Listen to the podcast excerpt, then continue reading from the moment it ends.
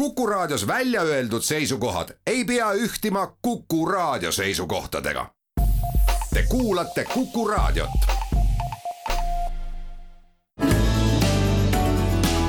keskpäevatund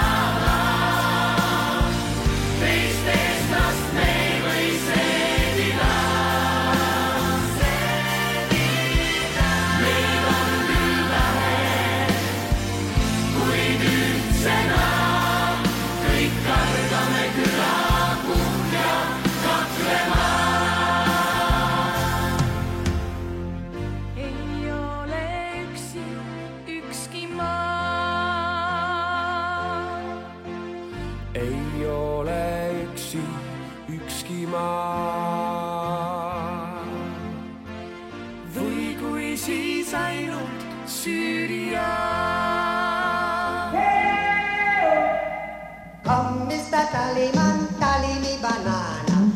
uudiseid koduvabariigist.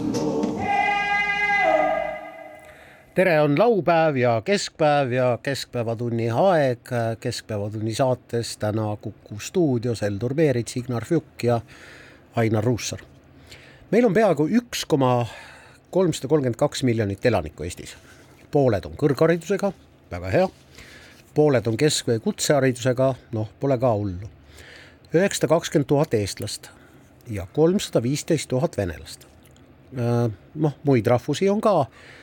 aga meil elab kaheksakümmend tuhat, statistika järgi kaheksakümmend tuhat inimest alaliselt Eestis, kellel on taskus Venemaa kodaniku pass.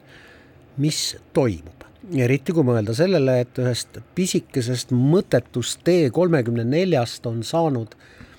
vaata et äh, rahvust ja poliitikuid lõhestav sümbol sealsamas piirilinnas Euroopa kõige läänepoolsemas piirilinnas enne Venemaad, Narvas. noh, mingisugune sümbol, mis oli kolmkümmend aastat uinunud, aga nüüd on äkki üles ärganud. No võib-olla sa räägid sellest rohkem selles avaliku tähelepanu kontekstis, et et no küllap nii sina kui mina nagu mäletasime seda Narva tanki äh, ik- ikka ka äh, nende vahepealsete aegade jooksul aga jah, et, et äh, see on nagu õige, eks, et see tank on äh, küll rohkem sümbol, mille, mille taga siis äh, on nüüd mingisugused oluliselt tugevamad hoovused. et, et et äh, ja noh, ilmselt nagu ük, üks väljend nendest hoovustest ongi see, et need inimesed äh, tahavad olla Vene kodanikud, et, et miski nende meelest seob neid ikkagi Venemaaga rohkem kui, kui Eestiga. no Ainar, sa küsisid kõigepealt selle, sellise küsimuse, ma saan aru, see on retooriline, et mi, mida siis need Vene kodanikud siin Eestis teevad? ei ole retooriline, pagan võtaks kaheksakümmend tuhat Vene passiga inimest elavad siin. miks nad elavad Vene passiga siin, miks nad Vene passiga Venemaal elavad? Kingissepp ja Pihkva ei Jah. ole ju üldse nii kaugel. absoluutselt. ja vaata, nüüd on hetk väike tagasipõige ajalukku, sest kui Eesti iseseisvus, siis neile järgnenud aastatel, sellele järgnenud aastatel lahkus üsna palju Vene kodanikke, tõesti väga palju. ja aga kogu see Eesti nii-öelda kodakondsuspoliitika põhines selles, et ei ole kodakondsus nullvarianti, kõik, kes siin elasid, ainult läbi keeleeksami ja kõigi vajalike tsensuste võisid taotleda Eesti Vabariigi kodsu- kodakondsust, teised olid kas siis määramet-, määratlemata kodakondsusega Hall ehk pass, halli passiga või nad võisid taotleda mingisuguse teise kolmanda riigi kodakondsust. ja, ja see oligi nendele nagu pandud sundvalik, sest Eesti kodakondsuse saamiseks neil puudus piisav keeleoskus. aga lihtsalt, et nüüd natukene nagu minevikust tulla tänapäeva, siis mul on andmed selle kohta nende eh, nii-öelda venelaste kodakondsusliku läbilõige on nüüd selline, et viimase kümne aasta jooksul on üsna kasvanud venelaste seas Eesti kodakondsete hulk ja vähenenud halli passi omanike hulk ja Vene kodanike hulk. nii et kui näiteks aastal kaks tuhat üksteist oli Eesti kodakondsusega venelasi venelastest viiskümmend neli protsenti, siis praegu on juba viiskümmend üheksa protsenti. kusjuures see nii-öelda Eesti kodakondsuse omamine venelaste poolt on just nooremate seas, nii et kuni seitsmeteist aastaste eh, noorte seas on venelastest Eesti kodanikke juba kaheksakümmend kaheksa protsenti. nii et see kõik muutub ja ne- nendes arvudes, mis sa ütlesid, et vaata, kui palju Vene kodanikke on, siis on see lihtsalt pärand Nõukogude okupatsioonist, et see ei ole ainult laastatud keskkond, hävitatud linnad, sealhulgas Narva, vaid ka demograafiline selline mittesoodne kesk, noh, soodne lõige eestlastele, aga see muutub, Ainar, see muutub, aga aeglaselt, liialt aeglaselt. jube liiga aeglaselt minu jaoks, et äh, ma saan kõigest aru.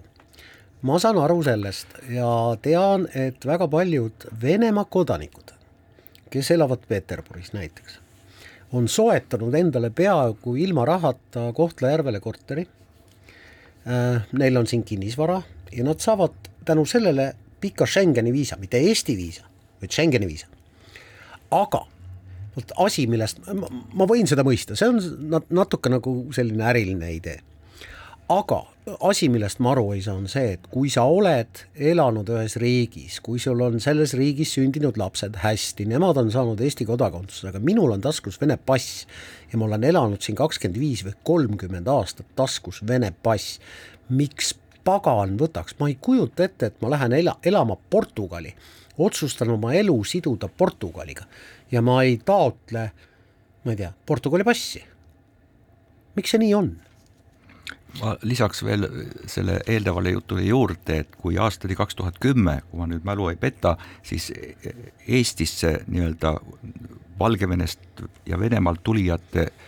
arv oli väiksem kui siit lahkujate arv. aga alates kahe tuhande kümnendast on rände positiivne saldo sealt riikidest Eestisse pidevalt kasvanud, nii et eelmisel aastal oli see juba tuhat viissada plussis, nii et me nii-öelda meie seadusandlus ja poliitiline tahe soodustab nende kolmandate nimetatud riikidest kodanike siia tulekut ja nendele siia alalise elamisloa andmist, mis on ääretult kahetsusväärne. Heldur on hästi tõsise näoga siin. ei, ma jäin mõtlema selle üle, et, et kas me nüüd nende kodakondsusnumbrite juures et, et kas me, kas see nüüd on nüüd ka mingisugune optimistlik sõnum või, või mitte, eks, et, et ma oleks pigem ikkagi skeptiline, et, et see üldine ootus vist on nagu see, et et, et kui sul on Eesti pass, et, et noh, küllap sa siis oled ka Eestlane. E- Eesti, Eesti, Eesti fännklubis jah, aga see, see vist ei pruugi nagu päris, päris niisama lihtne olla, sest et noh, nagu, nagu öeldakse, et, et veri on paksem kui vesi ja, ja et, et need inimesed ikkagi nagu emotsionaalselt on ka seotud Venemaaga. et noh, kui, kui nüüd nagu korraks hüpata ajalukku, et selle, see, sellesse perioodi, kui Rootsi, Rootsi kuningas siin kõige tähtsam isik meie, meie territooriumil oli,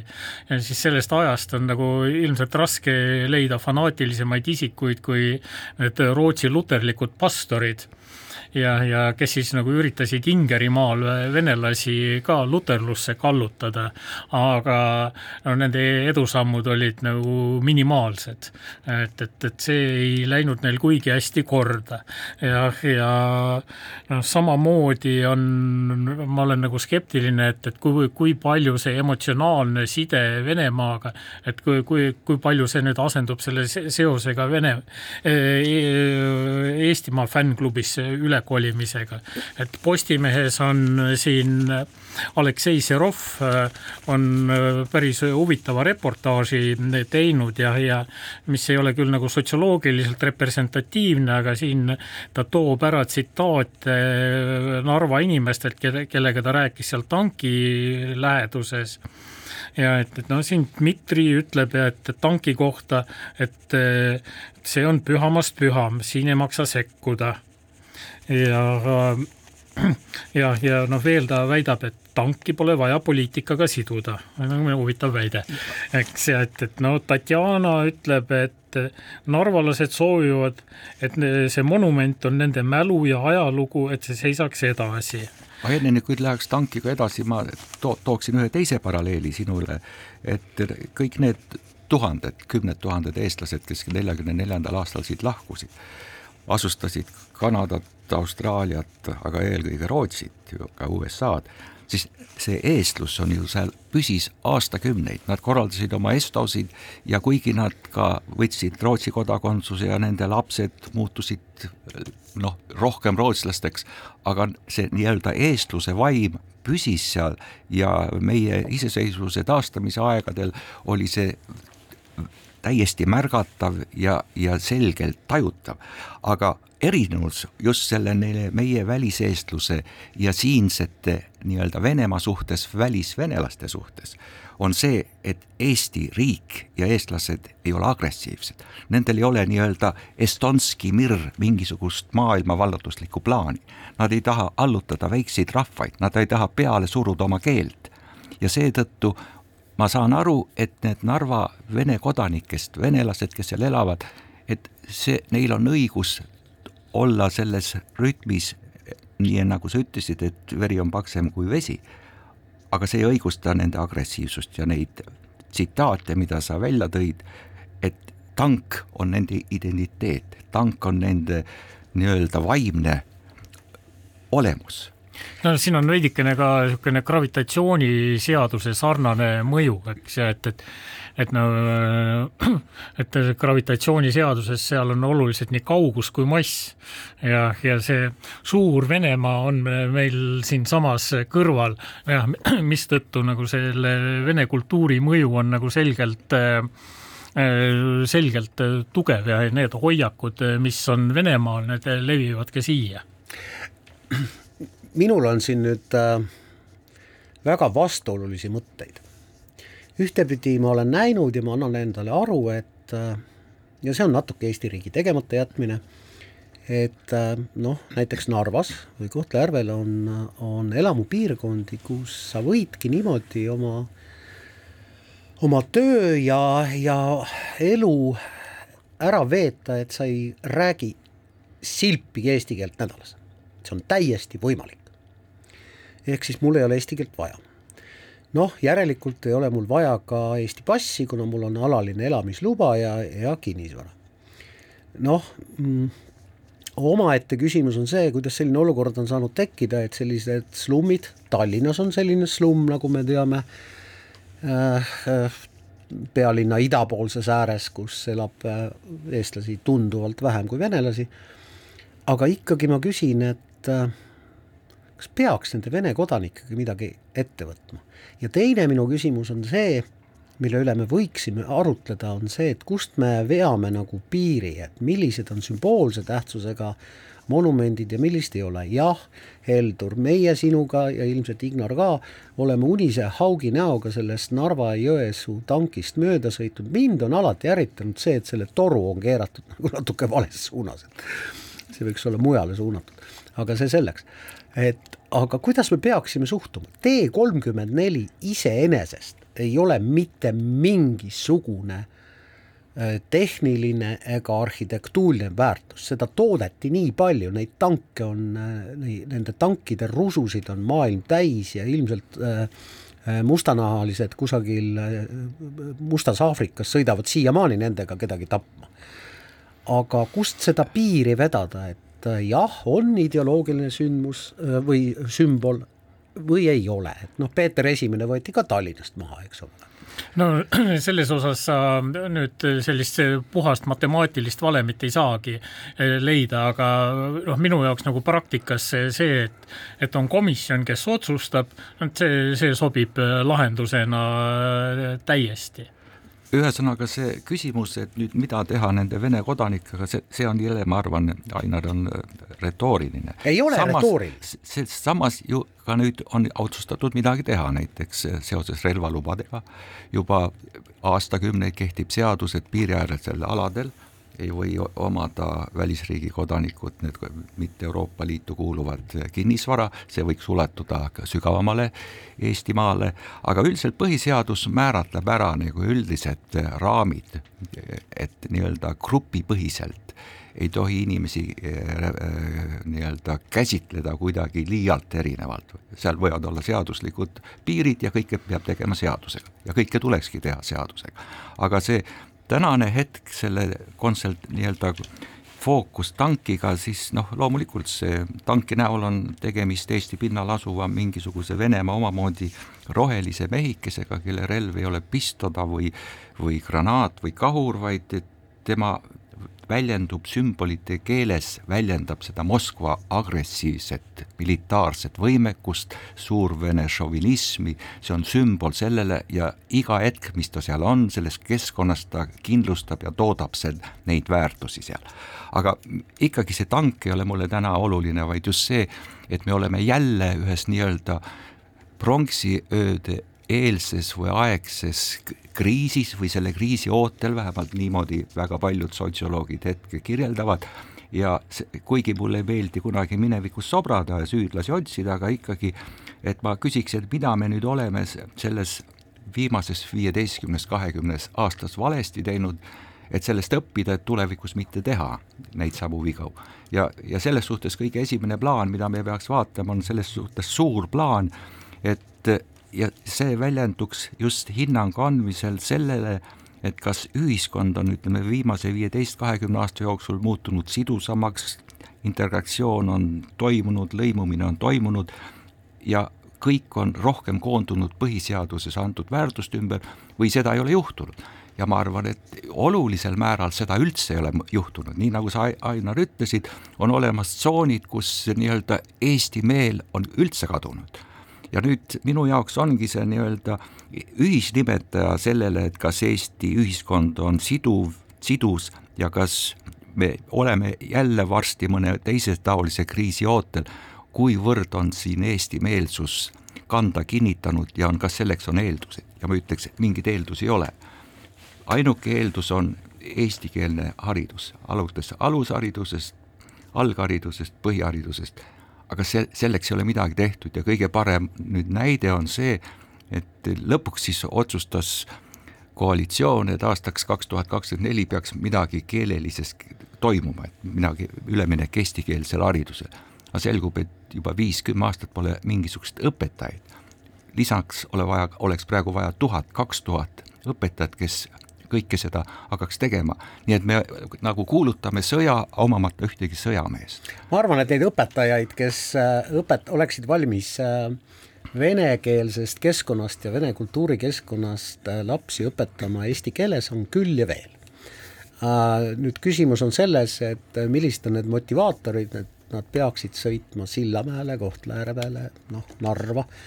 kus kindlasti eesti keelt äh,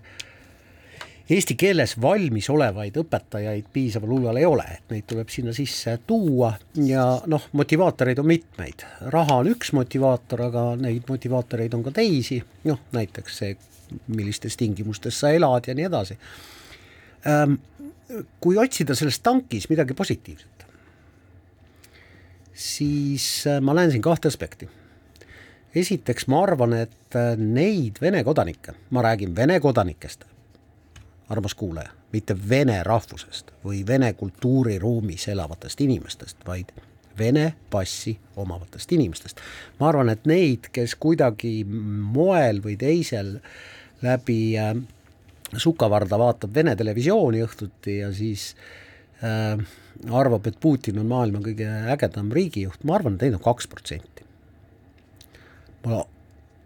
tahaks loota, et ma liialdan enamus neid inimesi, kes siin elavad, aga ei pärine Eesti kultuuriruumist ja jumala pärast ei pea pärinema ja jumala pärast las elavad edasi. Ja rääkigu oma keeles kodus, äh, õppima peab eesti keeles. Äh, et enamus neist on ikkagi Eesti riigile väga lojaalsed, sest kui see oleks vastupidi, siis nad oleksid siit ilmselt ka ära kolinud, seda enam, kui neil on võimalus äh, Vene passiga Venemaale kolida et äh, ma jah, nüüd nagu sellest sidususe asjast võib-olla nii hästi ei oska ise aru saada. et äh, ma, ma küll nagu pigem näen seda, et, et, et äh, nüüd see Ukraina sõda kui kriis, noh, on nagu meenutanud meile veel, eks, ja et, et noh, kui, kui, kuivõrd nagu niisugune eksistentsiaalses ohus, nagu meie riik on, eks, et, et on küll NATO ja Euroopa Liit ja aga noh, et, et see nagu päris nagu võib-olla ehk sajaprotsendilist garantiid meile siiski ei anna ja, ja selles valguses ja et, et et me nüüd nagu peaks või noh, peaks nagu veel korra inventuuri tegema, et, et kuidas on lugu ikkagi nagu selle viienda kolonniga meil siin Eesti sees. Ja, ja et, et no nagu ikkagi selliseid inimesi, kes kellele see Putin sümpatiseerib, no ma ei tea, kas kaks, kaks protsenti on vist natukene liiga, liiga optimistlik, eks, ja, ja no et, et, et küllap nagu selles valguses niisugused sammud nagu relvalubade äravõtmine on nagu kindlasti õige jah, aga mu meelest oleks nagu täitsa mõistlik mõelda ka seda, eks, et kas kohalike omavalitsuste valimisel ikkagi nagu teised inimesed kui Euroopa Liidu kodakondsed, et, et kas neil ikka peaks olema see hääleõigus või mitte mitte, eks, ja, ja sellel oleks nagu täitsa selge mõju ka nendele reaalsetele oludele, eks, ja et, et kui niimoodi jämedalt võttes kolmandik Narva elanikest on Vene kodanikud, siis see ja muud... ei saaks valida oma, oma kohalikku omavalitsust, linnavolikogu. et, et jah, et, et siis nagu võib-olla eks see Katri Raiki positsioon linnapeana ka ehk ei oleks nagu nii, nii õhkõrn ja et, et võib-olla siis, siis ta saaks ka nagu mõista mõistlikumat juttu ja enda südametunnistusega kooskõlas olevat juttu rääkida. on ikka veidikene keerulisem, sest samamoodi ja võiks isegi öelda, et piirata peaks enam isegi halli passi omanike osalemist kohalikel valimistel. ja selle tulemuseks on nii, et hääletuskasti juurde läheb vähem kui viisteist protsenti ja kõik need teised, kes ei saa, moodustavad alternatiivse võimu. nii et ma mäletan, just need olid argumendid, mitte kuskilt väljastpoolt tulnud nõuded, miks Eesti Vabariigi põhiseadusesse sai sätestatud, et alalistel elanikel on õigus osaleda kohalikel valimistel. ja no täna, täna ma ei oska küll näha, et, et kuskohalt see alternatiivne võim tekiks ja, ja no lisaks sellele ma vaidleks sulle vastu, et, et et Lätis äh, ei ole Vene kodanikel äh, kohalikel valimistel hääleõigust ja, ja no seal ka maailm püsib endiselt koos vastab tõele jah, ja, ja lisaks tankile tuletan kuulajatele meelde, et Narvas on Ants Daumani tänav. Nõukogude Liidu, Ants Dauman oli üks kommunistlik mõrvar, poolenisti Eesti verega. on Nõukogude Liidu kangelase Mihhail Gorbatši tänav ja on kahekümne juuli tänav. ööl vastu kahekümnendat, kahekümne kuuendat juulit nelikümmend neli ületas Punaarmee siis Narva jõe silla ja üks okupatsioon vaheldus teisega, aga teeme siin väikese pausi. Keskpäevatund. Ignar Fjuk, Heldur Meerits ja Ainar Ruussaar jätkamas Keskpäevatundi ja ma pean tunnistama, et mitte igas saates ei ole niimoodi, et ka reklaamipausi ajal me siin teeme saadet edasi, et võib-olla peaks Kuku raadio tegema uue ärimudeli ja hakkama raha küsima selle eest, et äh, ka reklaamipausi ajal saaksid need, kes maksavad, kuulata, mida siis saatekülalised räägivad, aga see on minu mõte. kuulge mm,, kas teie olete aru saanud, kas need sanktsioonid, mida Euroopa Liit ja Eesti on Venemaale kehtestanud, kas need siis kuidagi toimivad või ei toimi? loen ühest uudistekanalist,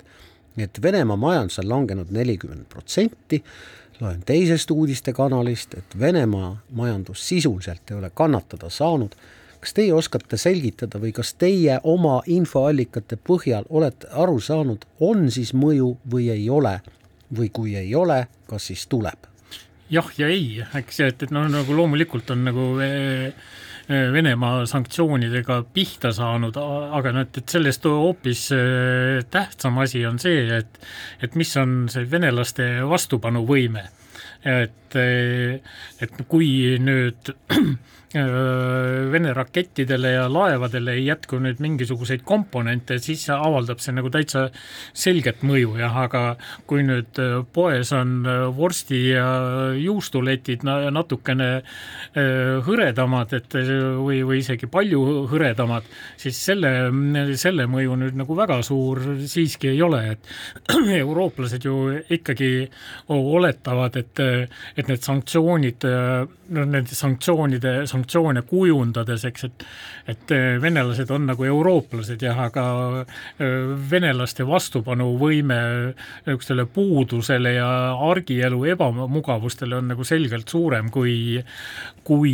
äh, nüüd keskmisel eurooplasel, nii et, et et selles suhtes nüüd päris, päris nagu sajaprotsendiliselt tõhusad need sanktsioonid ikkagi ei ole. kusjuures julgeksin isegi öelda, et need sanktsioonid isegi töötavad Putini kasuks, sest nii nagu ma olen aru saanud, siis äh, see on üks kummaline rahvas, et teda nii-öelda igasugune nii-öelda surve äh, hoopis nagu äh, nii-öelda annab talle jõudu või mingisugust iseenesestmõistetavat uue tegevusjuhise. ja nüüd ongi nii-öelda kogu see Putini ideoloogia, nüüd teda võrreldakse juba Aleksander Nevskiga, ju tuginebki sellele, et kõik lääs, sealhulgas Ukraina, mis on nii-öelda lääse, lääne esiliin tahab Venemaad hävitada, kogu see Putini sõda on ju nagu ennetada seda, et lääs koos Ukrainaga eesotsas oleks tulnud Venemaad hävitama ja need sanktsioonid väljendavadki nii-öelda lääne kollektiivset hoiakut ja suhtumist, et lämmatada Venemaad. nii et, aga samas teiselt poolt jälle need, kes meil siin vahel äh, nagu hõikavad, et ega kõik nad ei ole ju sellised, et me peaks ikkagi nagu terad sõkaldest eraldama ja lubada neil rännata ja tulla siia, et sellisel sõjaolukorras ei ole olemas head ja halba vaenlast ja vaenlane antud juhul Vene riik. nii et me ei saa, nii nagu Saksamaa, kui oli Natsi-Saksamaa, siis kõik olid ühe mütsi all keda käsitleti kui sakslast, kes jah, ajaloolise paralleelina jah, nagu võiks ju võrrelda, eks, et, et kui kui sakslased oleks aastal tuhat üheksasada nelikümmend kaks virisenud, et miks nad ei saa viisat, et käia Londonis shoppingul, eks, et siis oleks see tundunud kummaline. No jaa, aga, aga kummaline on nagu see, et tegelikult ne-, nende Venemaa kodanikest turistide arv, kes on viimastel kuudel üle Eesti piiri liikunud siis Schengenisse, on kasvanud ja ehkki Eesti on oma viisapoliitikaga teinud teatavaid piiranguid, siis Schengen ju ei ole, eks, ehk siis sa lähed Peterburis Prantsuse saatkonda, saad selle viisa, Schengeni viisa, tuled, sõidad üle Narva silla, oled Schengenis ja that's it, et kas me peaksime seda kuidagi piirama või ei peaks. või veel olulisem küsimus on see, mis ei ole küsimus pigem teile, härrased, vaid pigem küsimus meie salateenistustele, et kuidas me peaksime suhtuma neisse Venemaa kodanikesse, kes tahavadki Putini režiimi eest põgeneda ja tahavad näiteks põgeneda siia no ilmselt jah, me nii peenreguleerimisega ei jaksa vähemalt esimese hooga ei oskagi te- te- tegeleda ja, ja ka eks kui, kui see olukord kestab pikemalt ja et, et siis nagu ilmselt äh, õnnestub tekitada ka mingisugused kanalid nende, nende venelaste jaoks, kes äh, nagu tõepoolest nagu tahaksid sealt Putini käest pääseda. muide, noh, ma segan vahele, aga see kanal on praegu olemas, et kes tahab tulla mitte turismiviisaga siia, vaid omada nii-öelda emamaalt põgeneja staatust, siis selleks on olemas pagulasviisa no, okay,, täidab vormi ära ja kõik on absoluutselt võimalik ja nii on tulnud siia väga palju tublisid Vene ajakirjanikke, kes on ka loonud siin oma nii-öelda alternatiivse ajakirjandusbüroo. Samamoodi Lätti juba aastaid tagasi. täpselt nii, et eh, nii nagu vanasti olid eh, Vaba Euroopa raadio oli siin ja seal, nüüd on Vene vaba press tuleb siia-sinna ja ikka ka ainult selle pagulastaotluse alusel. kuulge, aga nädal tagasi ootas Venemaale pääsu kakskümmend üks suurt laeva siinsamas Soome lahel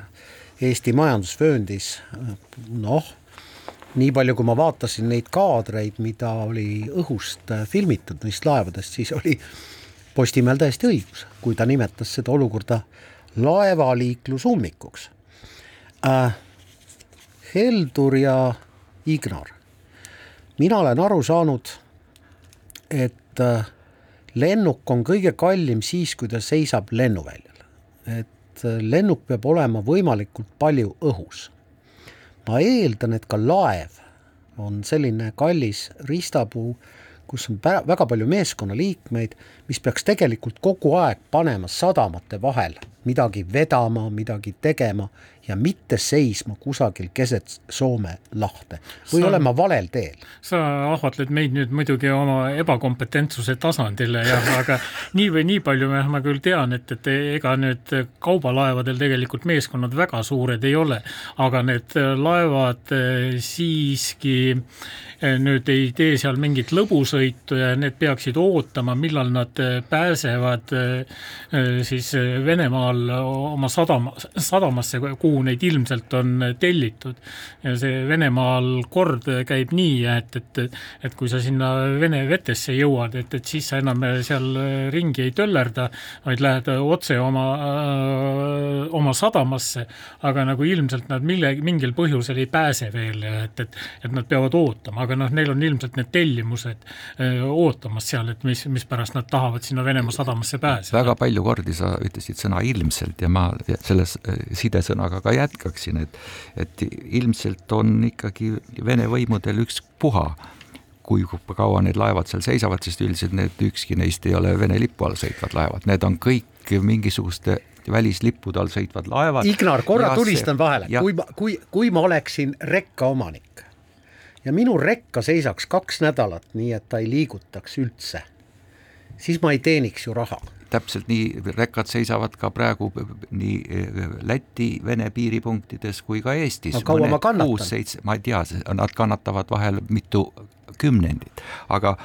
põhjusi, miks, miks seal ei lubata neid laevu ootama Peterburi reidile, on see, et ta on väga väike, aga miks nad peavad ootama siin rahvusvahelistes vetes, kus tegelikult ei tohiks eh, ka seista, siis ma kuskilt lugesin, et need laevad, et lihtsalt mitte niisama aega raisata, teevad hooldus- ja puhastustöid. ilmselt venelane ei tahaks, et need laevad puhastaksid oma parrast ja oma keskkonda ja see kõik läheks ju merre selles kitsukeses Peterburi reidil, et, et lasta see kõik, see solk kuskile rahvusvahelisse vette no pigem nagu ennekõike on seal asi nii, et, et äh, Venemaal ja nagu ikka suurriikides asjad käivad äh, kõrges kaares ja, ja kui äh, kui sa tahad seal äri ajada, et siis nagu mõned asjad tuleb lihtsalt ära kannatada. jah, või selle eest maksta, eks ole mm. -hmm. aga kuidas siis ikkagi on, et äh, kui neid laevu tuleb nüüd juurde ja juurde, no see peab ju, Heldur eelkõige vaadates sinu otsa, aga Ignar ka sinu otsa, see peab ju kuidagi mingil hetkel mingit moodi lõppema, et kas laevad pööravad oma nina tagasi kodusadamasse, otsivad endale uut ärimudelit, noh, Venemaale ei pääse või, või mis see lahendus nagu võiks olla? Ei noh, kui noh, võib-olla laevaomanikud äh, saavad äh, kau-, kaubatellijale nagu lihtsalt kõrgemaid arveid esitada ja, ja nad võivad niimoodi lõpmatuseni seal passida. kui, kui, kui see kaup on nüüd kuidagi naftaga seotud, siis nagu need kõrged hinnad nagu võimaldavad äh, vedude tellijatel need kõrgemad hinnad ka ki kinni maksta, aga no see on nüüd puhas spekulatsioon. on, on osa nii-öelda vastukäigust sanktsioonidele, mida Venemaa nii nafta kui teatud teiste toodete suhtes on äh, välis, lääneriigid äh, nagu kehtestanud, et, et ma uuesti kordan, et need ei ole Vene lipu all sõitvad laevad, need on, kõik on nii-öelda välislaevad ja, ja põhiliselt on nad äh, kütust kandvad laevad ja see juhul see hind läheb lihtsalt kütusele juurde, muud midagi jah, ja no on olnud ju noh, me mäletame suhteliselt hiljaaegu, kui Suessi kanali see tekkis tropp et, et siis nagu samuti ootas äh, päris palju laevu, millal, millal nad sinna Suessi kanalisse sisse pääsevad. Neid oli sadu. Neid oli päris palju, jah. tahan siin veel kord öelda, kui me räägime Venemaa poliitikast, et äh, mul on päris ausalt kohutavalt kahju nende Venemaa emade ja isade pärast, kes on kaotanud selles nõmedas sõjas, mille Venemaa juhtkond on alustanud oma poja või mehe, mul on kohutavalt kahju nende Ukraina emade ja isade pärast, kes on kaotanud selles kohutavas sõjas oma poja või tütre või mehe. mul on kohutavalt kahju nendest valdavalt noortest meestest mõlemal poolel, kes on selles jubedas sõjas kaotanud oma käe, jala, närvid või mõistuse, aga või. teeme siin väikese pausi. keskpäevatund Heldur Meerits, Ignar Fjuk ja Ainar Ruussaar jätkavad Keskpäevatunni saatega. no lõppev nädal oli päris äh, huvitav selline personalivahetuste nädal, Eesti Ametiühingud said uue juhi äh,, siis äh, Tallinna abilinnapea Andrei Novikov leidis endale uue koha munitsipaalfirmas Tallinna Linnatransport, kuhu oli kuuskümmend seitse kandidaati, aga Novikov oli neist kõige parem. tõsi, ta ei taha väga palju palka saada, kuus tuhat nelisada ainult ja nii edasi. et äh, alustame ametiühingutest. kas teie näete, et ametiühingutel tänases Eestis üldse on mingi roll või on ta pigem selline kuidagi ah, las ta siis ikka pealegi elab no eks tal nagu mingisugune roll on, eks ju, aga on see nüüd suur või väike, et, et no mine, mine võta eh, kinni ja et, et noh, kui, kui diskuteeriti selle üle, ka, kas eh, Peep Peterson nüüd eksis lobireeglite vastu või mitte, et eks, et siis nagu mõned kommentaatorid arvasid niimoodi peaaegu autopiloodil, et ametiühingud ongi nagu selline organisatsioon, mis esindab avalikku huvi, eks, ja et, et no millega ma kindlasti nõus ei ole, et, et minu meelest ametiühingud ikkagi seisavad selgelt erahuvide eest, no et, et kui me mõtleme kas või lennukipilootide streikidele või no, mingitele taolistele või Narvas need energeetikud on ka avaldanud avaldanud mõnikord niisuguseid streigihoiatusi ja, ja kui sa vaatad äh, nende Narva energeetikute keskmist palka, siis seal nagu küll ma ei näe mingit põhjust äh, streikimiseks.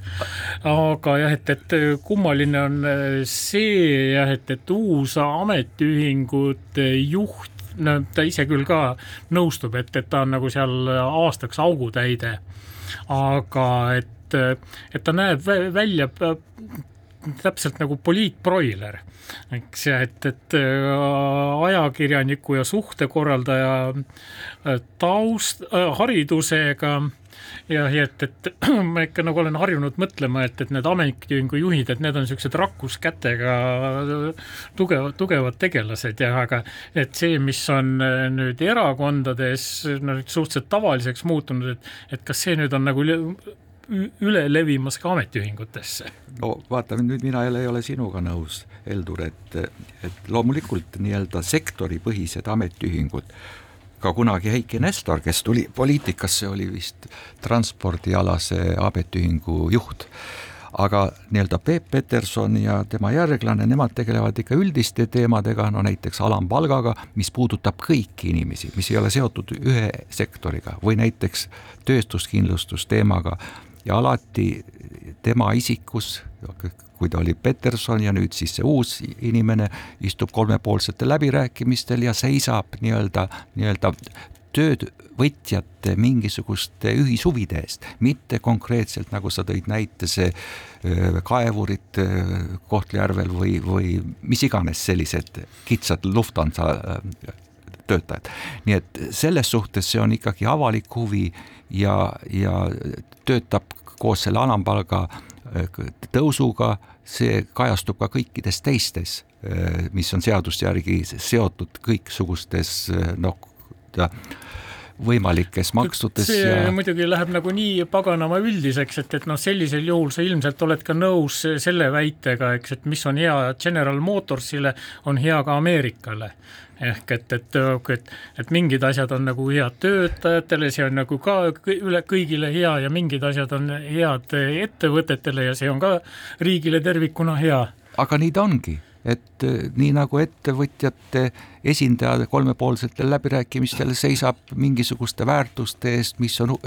noh, pakuvad ettevõtjatele huvi ja see ei ole konkreetselt ei mööblitööstusega seotud ega, ega mingi muu eh, elektroonikatööstusega, vaid need ongi üldised ühiskonda eh, loomul, loomuldasa vastandlikud huvid, mille nimel tegutsetakse ja mille eest seistakse ja ma nagu olen nõus sinuga lühidalt kokkuvõttes noh, me oleme mõlemad maailmas, me oleme kõik maailmas ringi käinud äh, mehed ja oleme näinud ilmselt ka riike, kus ametiühingud on olnud äh, kohati päris agressiivsed, ehk siis kutsunud inimesi tänavatele ja ja vaata, et peaaegu barrikaadidele. nagu ka Greenpeace omal moel. jah, Eestis õnneks seda ei ole toimunud, et kas see on siis ikkagi pigem nagu nii tööandjale, töövõtjale kui ka noh, ma ei tea, töövõtja esindajale kasulik, et kaks valgete kraedega inimest, üks on töövõtjate esindaja, teine on tööandja, istuvad laua taga, vaatavad üksteisele võib-olla natuke kurjalt silma ja püüavad milleski kokku leppida. võib-olla, võib-olla siin on mitu aspekti, üks on see eestlase selline ülim rahumeelsus, viisakus ja, ja oskus ka vastaspoolt kuulata, selle maani, et vahel sa oma huvi üldse kaotad ära, ei oskagi selles seista.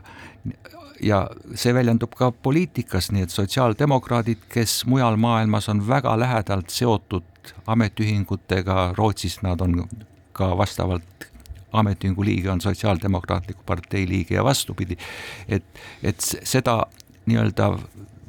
valgekraelisust on ka sotsiaaldemokraatias rohkem, kui me näeme seal nii-öelda töötajate ja töövõtjate huve, huvide kaitsmist. nii et ilmselt see ongi mingi eestlase omapära ja Eesti omapära ja minule mõttes, minule see meeldib, mulle meeldib see, et poliitikat ei tehta tänavatel ja poliitikat ei tehta kurjalt ja agressiivselt jah, jah, no et, et see huvide tasakaal, eks ta jah, niimoodi nendel läbirääkimistel nagu on parem välja selgitada, kui nüüd mingite agressiivsete kokkupõrgete juures, aga mis ei tähenda seda ikkagi, eks, et, et, et neid erinevaid huve ei,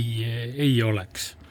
Kusjuures selle nii-öelda näide, kus ma tooks jälle välja, et see on pahupidine, on see, et Eesti hariduse rahastamine, õpetajate palgad võrreldes skp ja võrreldes Euroopa Liidu teiste riikidega, me oleme kõige lõpus. kõige madalamad on õpetajate palgad, mis on ka põhjuseks, miks õppi, õppima ei minda, näiteks sel aastal Tallinna Ülikoolis võeti erialale, kus eesti keel on teine keel, ainult kuusteist inimest. oleks tudengid, oleks vaja mitte ka sada kuuskümmend, vaid tuhat kuussada selles olukorras, kus me praegu oleme. Nii et see nii-öelda ametiühingud pole kunagi seisnud siiralt ja lõpuni sellest, et